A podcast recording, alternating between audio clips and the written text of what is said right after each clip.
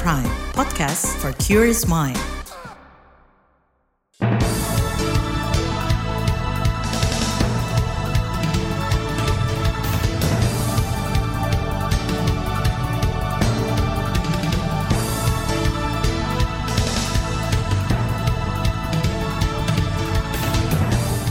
Selamat pagi saudara, berjumpa kembali dalam Buletin Pagi edisi Kamis 23 Februari 2023. Saya Naomi Liandra, sejumlah informasi pilihan telah kami siapkan di antaranya potensi inflasi tinggi jelang Ramadan, Richard Eliezer tetap berdinas di Polri. Surya Paloh sebut AHY pantas jadi cawapres. Inilah Buletin Pagi selengkapnya. Terbaru di Buletin Pagi. Pemerintah mengingatkan potensi inflasi tinggi jelang Ramadan dan Idul Fitri tahun ini. Menteri Keuangan Sri Mulyani mengatakan komponen yang patut diwaspadai adalah gejolak harga pangan. Kita mewaspadai dengan perkembangan harga pangan ini terutama mulai masuk bulan Ramadan dan menjelang hari raya. Jadi ini adalah faktor yang sekarang diperhatikan oleh pemerintah yaitu faktor uh, volatile food uh, yang sekarang masih di level 5,7 dan kita lihat juga dari sisi administered price. Sebagai antisipasi dampak lonjakan harga pangan, Menteri Keuangan Sri Mulyani menyebut pemerintah sudah menggelontorkan anggaran ketahanan pangan 900 rupiah miliar pada bulan Januari kemarin. Diharapkan langkah ini bisa membuat harga pangan terutama beras kembali stabil. Sebelumnya Badan Pusat Statistik mencatat harga beras di seluruh kabupaten kota mengalami kenaikan pada pekan ketiga Februari ini. Saudara Kabupaten Sumeneb, Jawa Timur bersama dua daerah lain yakni Jawa Barat dan Kota Mobagus, Sulawesi Utara menjadi wilayah dengan inflasi tertinggi menurut data Kementerian Dalam Negeri. Wakil Bupati Sumeneb, Dewi Halifah, menuturkan inflasi di daerahnya secara tahunan mencapai 6,73 persen dan 0,63 persen secara bulanan. Inflasi tertinggi disumbang komoditas beras dan cabai rawit. Beberapa hal solusi pengendalian inflasi di Kabupaten Sumeneb yang kami lakukan adalah operasi pasar, operasi pasar beras medium dan premium langsung ke pasar induk oleh BUMD didampingi oleh Satgas Pangan dan Bulog tadi. Kemudian kerjasama antar daerah akan dilakukan kerjasama antar daerah pada komoditi cabai merah. Kemudian optimalisasi BTT Transport akan memperpendek jalur distribusi cabai rawit dengan subsidi transportasi. Wakil Bupati Sumeneb Dewi Halifah menambahkan operasi pasar sudah digelar sejak tiga pekan lalu untuk mengendalikan harga. Bulog menggelontorkan 33 ton beras untuk program ini. Sementara itu Provinsi Jawa Barat mencatat inflasi 6,06 persen pada Januari secara tahunan. Harga komoditas terutama beras menjadi penyumbang inflasi tertinggi. Asisten Perekonomian dan Pembangunan Jawa Barat Yuke Mauliani Septina mengungkapkan peran tim pengendali inflasi daerah bakal dioptimalkan. Pemprov juga melakukan sejumlah langkah, di antaranya operasi pasar, pemantauan harga pangan hingga mengaktifkan Satgas Pangan. Di lain pihak, anggota Komisi Ekonomi DPR Kamru Samad meminta pemerintah menyiapkan strategi dan kebijakan guna mengendalikan inflasi jelang Ramadan dan Lebaran. Pemerintah harus bisa memastikan stok kebutuhan pokok masyarakat dan menjamin kelancaran jalur distribusi. Yang ketiga adalah memastikan bahwa barang itu betul-betul ada di pasar-pasar. Di pasar-pasar, di toko-toko, di gerai-gerai, sehingga mulai dari ketersediaan stok, jalur distribusi, dan barangnya ada di pasar-pasar, baik pasar modern maupun pasar tradisional, maka kita optimis bahwa inflasi akan terkendali. Anggota DPR dari fraksi Gerindra, Kamru Samad menambahkan, sinergi pemerintah pusat, daerah, hingga level desa mesti dibangun. Sinergi itu untuk memastikan kebijakan di tingkat nasional selaras dengan daerah. Saudara, manajemen stok pangan dinilai masih jadi masalah klasik dalam penanganan inflasi jelang Ramadan dan Lebaran. Ini tercermin dari terus naiknya harga beras hingga langkanya stok minyak kita. Berikut pernyataan ekonom Indef Nailul Huda. Jadi stok untuk beras, stok untuk beberapa komoditas itu harus dijaga gitu. Nah gunanya adalah ketika lonjakan harga itu semakin tinggi, pemerintah bisa mengendalikan lewat operasi pasar gitu. Nah ini yang menurut saya disediakan oleh pemerintah instrumen itu. Jadi uh, pengendalian stok itu cukup penting untuk bisa mengendalikan harga di tengah kenaikan permintaan. Ekonom Indef Nailul Huda menambahkan pemerintah pusat hingga daerah mesti mengoptimalkan perangkat-perangkatnya untuk mengendalikan inflasi. Menurut Nailul, inflasi jelang Ramadan adalah siklus musiman. Lonjakan harga dipicu kenaikan permintaan komoditas karena masyarakat cenderung konsumtif. Surya Paloh sebut AHY pantas jadi calon wakil presiden. Informasinya hadir sesaat lagi, tetaplah di Buletin Pagi KBR. You're listening to KBR Pride, podcast for curious mind. Enjoy!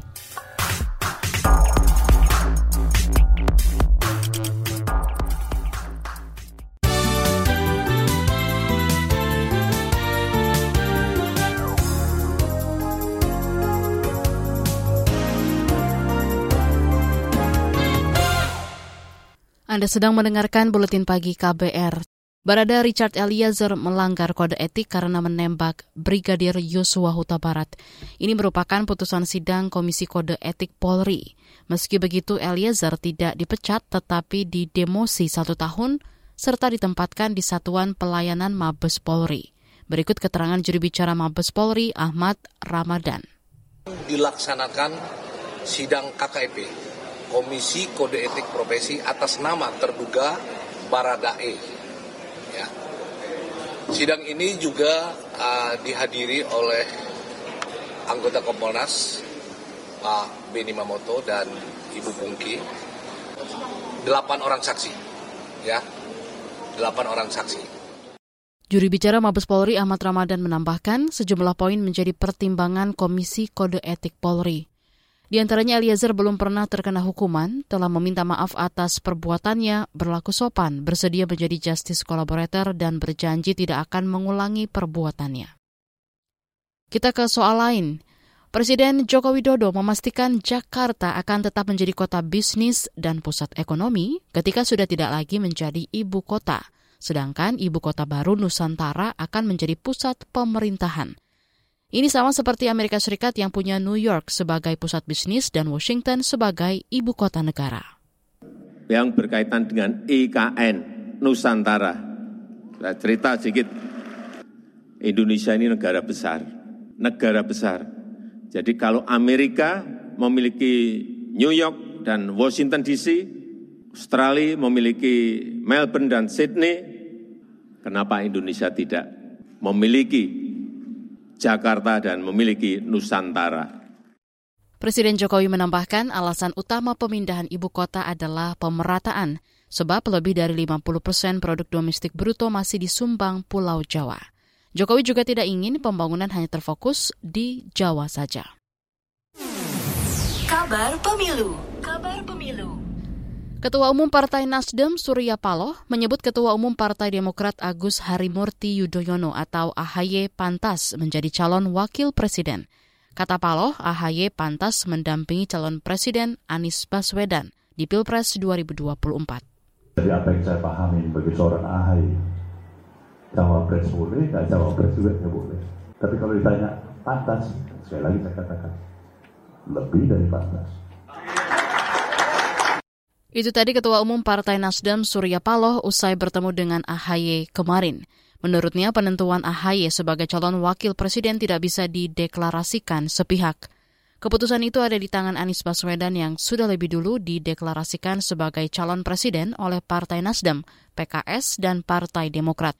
Saudara, dalam pertemuan itu, Paloh maupun AHY sepakat menolak sistem pemilu proporsional tertutup karena tidak sesuai semangat demokrasi. Sidang kasus dugaan kecurangan Komisi Pemilihan Umum saat verifikasi faktual partai politik tinggal menunggu putusan. Majelis Sidang Dewan Kehormatan Penyelenggara Pemilu atau DKPP diminta netral dan objektif.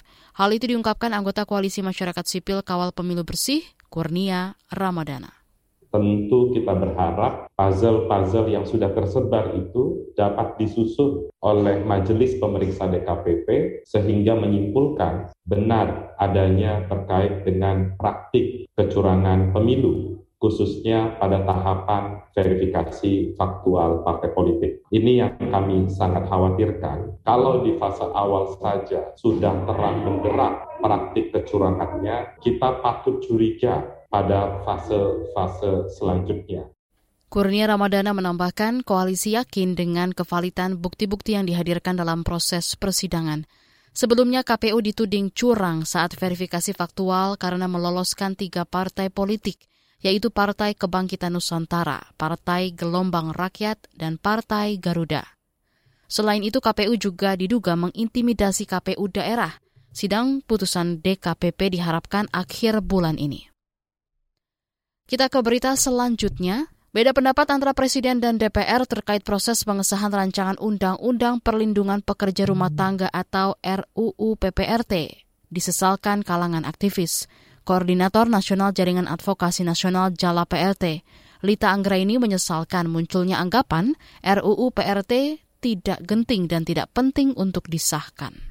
Ini komunikasi politik yang harus ditangkap oleh DPR bahwa ketika pemerintah bicara demikian berarti itu sudah menganggap urgent. Nah, tapi sampai sekarang DPR kan masih berkilah bahwa belum urgent perlu kajian. Ini sudah 20 tahun sudah banyak direvisi. Koordinator Nasional Jala PRT, Lita Anggraini bertekad akan terus memperjuangkan pengesahan RUU PPRT, antara lain dengan berunjuk rasa setiap Rabu di depan gedung DPR Jakarta. Kita beralih ke informasi ekonomi. Saudara, APBN Januari 2023 mencatatkan surplus 0,43 persen terhadap produk domestik bruto. Menteri Keuangan Sri Mulyani mengklaim kinerja APBN di bulan pertama tahun ini sangat baik. Sedangkan situasi APBN pada bulan pertama mengalami surplus 90,8 triliun atau 0,43 persen dari PDB. Dan untuk keseimbangan primer bahkan surplus 1 113,9 triliun rupiah. Ini adalah kinerja pada bulan Januari. Menteri Keuangan Sri Mulyani menambahkan pendapatan negara pada Januari sudah mencapai lebih dari 200 triliun rupiah. Jumlah itu naik hampir 50 persen dari Januari tahun lalu. Menteri Keuangan mengklaim situasi ini mencerminkan pemulihan kondisi perekonomian nasional. Kita ke informasi mancanegara. Pemerintah Prancis dikritik tajam karena berlaku diskriminatif terhadap para imigran. Prancis mengistimewakan imigran asal Ukraina, misalnya dengan memberikan hak bekerja, jaminan kesehatan, maupun kemudahan izin tinggal sementara. Bahkan izin yang hanya berlaku tiga bulan bisa diperpanjang menjadi tiga tahun. Perlakuan sebaliknya dialami imigran asal Sudan, Afghanistan, dan Suriah. Mereka harus mengantri tiga bulan hanya untuk mendapat hak bekerja dan jaminan kesehatan. Menurut Mariam, salah satu relawan kemanusiaan, imigran Ukraina ditempatkan di rumah-rumah penampungan, sementara imigran asal Suriah di tenda-tenda kamp pengungsian. Hasil survei INSEE dua tahun lalu menunjukkan jumlah imigran di Perancis mencapai lebih dari tujuh orang. Imigran terbanyak berasal dari Aljazair, Maroko, Portugal, Tunisia, dan lainnya. Beralih ke informasi olahraga. Inter Milan menang dramatis atas Porto 1-0 di laga leg pertama babak 16 besar Liga Champions. Pertandingan yang digelar di kandang Inter Milan itu berlangsung panas dan diwarnai kartu merah. Porto harus bermain dengan 10 pemain usai Otavio diganjar kartu kuning kedua. Inter Milan berhasil memanfaatkan keunggulan pemain. Tendangan voli Romelu Lukaku di menit 86 memastikan kemenangan tim tuan rumah. Di pertandingan lain, Manchester City hanya bermain imbang 1-1 melawan RB Leipzig. The Citizen selaku tim tamu unggul lebih dulu lewat gol Riyad Mahrez di menit 27. Keunggulan ini bertahan hingga pertengahan babak kedua. Di menit ke-70, akhirnya Leipzig mampu menyamakan kedudukan lewat tandukan Josko Gvardiol. Sementara itu Jumat dini hari nanti kompetisi Liga Eropa kembali dilanjutkan. Sejumlah tim akan saling berhadapan, misalnya Nantes versus Juventus, PSV Eindhoven melawan Sevilla dan Manchester United menjamu Barcelona. Pertandingan leg kedua Manchester United versus Barcelona digelar di Stadion Old Trafford. Sebagai tuan rumah, setan merah pasti mengincar kemenangan. Apalagi Blaugrana tidak akan diperkuat dua punggawanya yaitu Gavi yang terakumulasi kartu dan Pedri yang cedera. Sebelumnya di leg pertama, kedua klub berbagi skor dua sama. Di bagian berikutnya kami hadirkan laporan khas KBR tentang kasus kekerasan seksual pada anak tak kunjung berkurang. Tetaplah di Buletin Pagi KBR. You're listening to KBR Pride, podcast for curious mind. Enjoy!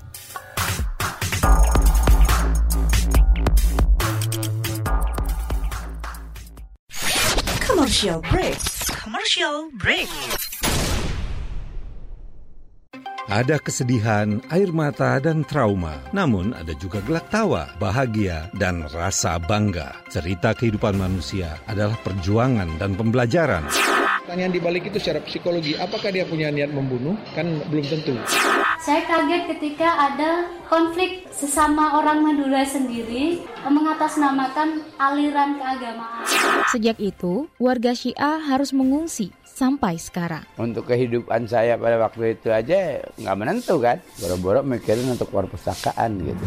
Saga, cerita tentang nama, peristiwa, dan fakta. Liputan khas KBR ini telah memenangkan berbagai penghargaan nasional dan internasional. Anda sedang mendengarkan program Saga Produksi KBR. Simak di program Buletin Pagi pukul 6 waktu Indonesia Barat, Buletin Sore pukul 16 waktu Indonesia Barat, dan KBR Pagi pukul 7 waktu Indonesia Barat. Dengarkan Saga di radio jaringan KBR di Nusantara atau streaming di kbr.id. Saga juga hadir dalam bentuk podcast di kbrprime.id. KBR Inspiratif Terpercaya. Sekarang kamu nggak bakal ketinggalan berita lagi. Lewat podcast, kamu bisa kembali menyimak apa yang sudah lewat serta obrolan seru di balik sebuah peristiwa. Gak perlu repot download aplikasi lagi. Ketik aja kbrprime.id di browser ponsel pintar kamu dan simak beragam podcast di KBR Prime.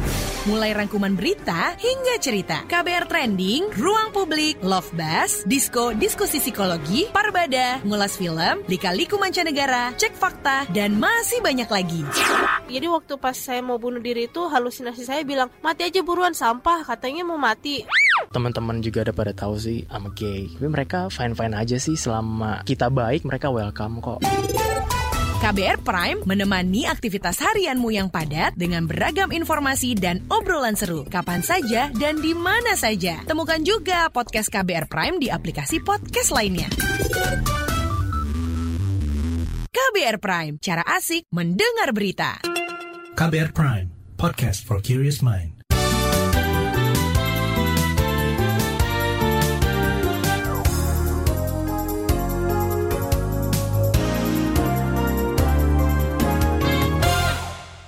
Anda masih bersama kami di Buletin Pagi KBR. Saudara, kasus kekerasan seksual pada anak tak kunjung berkurang meski sudah ada undang-undang tindak pidana kekerasan seksual.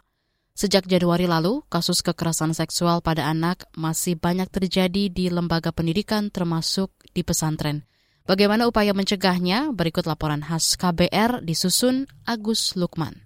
Federasi Serikat Guru Indonesia FSGI mencatat sejak Januari lalu terjadi lebih dari 80 kasus kekerasan seksual pada anak di lingkungan pendidikan. Data FSGI menyebut puluhan kasus itu terjadi mulai dari tingkat SD, SMP, dan pesantren. Pelakunya antara lain guru, kepala sekolah, penjaga sekolah hingga pengasuh pesantren. Dewan Pakar FSGI Retno Listiarti mengatakan salah satu upaya mencegah kekerasan seksual anak adalah dengan mengajarkan pendidikan seks. Menurut Retno, pendidikan seks bagi anak perlu guna memberikan pemahaman mengenai bagian tubuh yang tidak boleh dilihat dan dipegang sembarangan oleh orang lain. Uh, misalnya ketika uh, dia tahu nih kok dipegang dadanya, misalnya alat kemaluannya, kalau laki-laki tambah duburnya, oh berarti ini orang jahat gitu ya. Maka dia bisa misalnya melakukan perlawanan dengan cara digigit.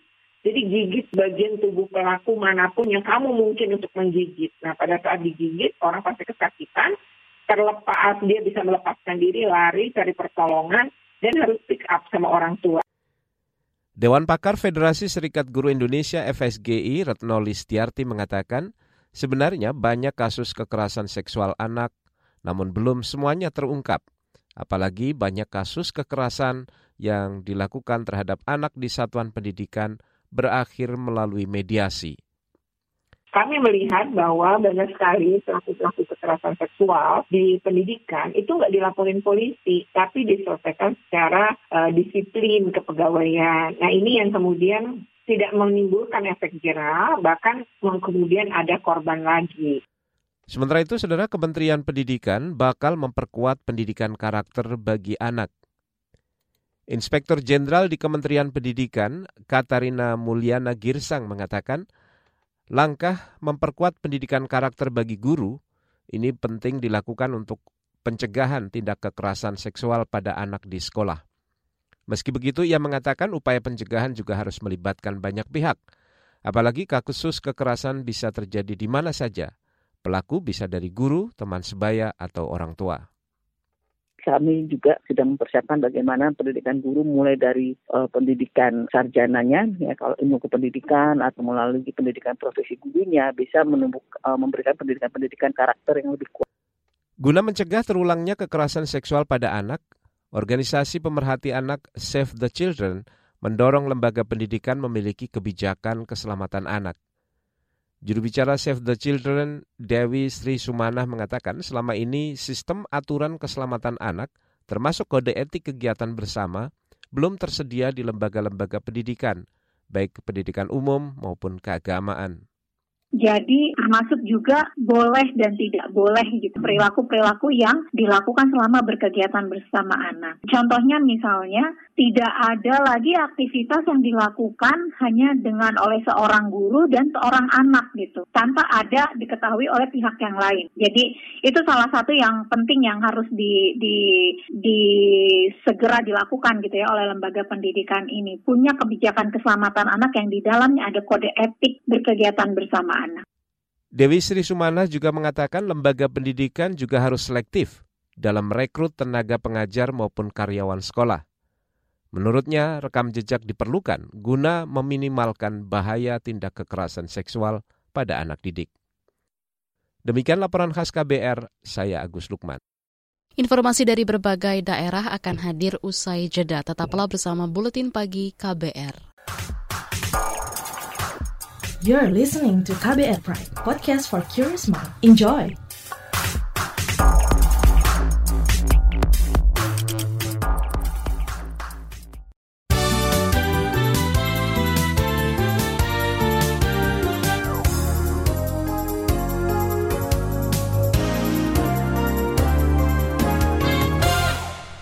Inilah bagian akhir buletin KBR.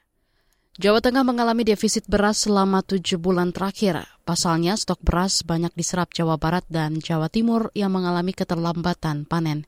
Berikut pernyataan Kepala Dinas Pertanian dan Perkebunan Jawa Tengah, Supriyatno. Beras itu Jawa Tengah kan menjadi salah satu sentra pangan nasional. Kalau dalam satu tahun itu ada surplus hampir 900 ribu ton. Yang tujuh bulan itu defisit produk beras Jawa Tengah dimakan orang Jawa Tengah kurang. Panen kita di Jawa Tengah itu lebih cepat dibanding Jawa Barat dan Jawa Timur. Mulai bulan Agustus sampai Januari itu defisit kemarin. Kadis Pertanian dan Perkebunan Jawa Tengah Supriyanto menambahkan, defisit menyebabkan harga beras sempat melonjak. Namun ia mengklaim masalah ini bakal tertangani karena sebentar lagi panen raya. Pasca panen, harga beras diharapkan kembali normal. Kita ke Jakarta. Penjabat Gubernur DKI Jakarta Heru Budi Hartono meminta orang tua disiplin memberikan asupan gizi seimbang pada anak. Ini menyusul temuan tiga kasus tengkes atau stunting di Posyandu Cempaka Putih. Heru mengklaim Pemprov sudah menyediakan fasilitas kesehatan hingga bantuan makanan sudah tidak ada alasan lagi sebenarnya kalau untuk dia ragu untuk meningkatkan dari stunting untuk bisa sehat. Kan Pemda DKI sudah memberikan daging, ayam, telur, satu lagi ikan. Yaitu itu sudah cukup. Individu sudah diberikan. Kalau dia datang ke puskesmas, ke posyandu kan ada setiap Selasa ya Bu ya. Tinggal sekarang kedisiplinan yang bersangkutan. Pemprov DKI juga tengah melakukan pendataan kasus stunting, salah satunya dengan memanfaatkan aplikasi WhatsApp. Data yang masuk akan ditindaklanjuti. Beralih ke berita hukum, sidang kasus narkotika dengan terdakwa bekas Kapolres Bukit Tinggi, Dodi Prawira Negara di Pengadilan Negeri Jakarta Barat ditunda pekan depan. Hakim Ketua John Saragi mengatakan sidang ditunda karena saksi yakni ex-Kapolda Sumatera Barat Teddy Minahasa mangkir dengan alasan sakit. Sidang hari ini tentu tidak bisa kita lanjutkan karena saksinya tidak bisa hadir. Sudah dipanggil kepada ter dakwa berdua sudah dipanggil dengan sah dan patut, sudah dilihat tadi, tidak bisa hadir alasan sakit, pemeriksaan dokternya sudah ditunjukkan tadi, tapi penuntut umum menyatakan akan menghadirkan pada persidangan akan datang. Majelis Hakim Pengadilan Negeri Jakarta Barat menargetkan kasus ini bisa tuntas dalam waktu tiga bulan. Dalam perkara ini, bekas Kapolres Bukit Tinggi, Dodi Prawira Negara, menjual sabu sitaan. Perbuatan ini dilakukan Dodi bersama tiga orang, salah satunya ex-Kapolda Sumatera Barat, Teddy Minahasa. Informasi tadi menutup jumpa kita di Buletin Pagi hari ini. Pantau informasi terbaru melalui kabar baru, situs kbr.id, Twitter, at berita KBR, dan juga podcast di alamat kbrprime.id. Saya Naomi Liandra bersama tim yang bertugas undur diri. Salam.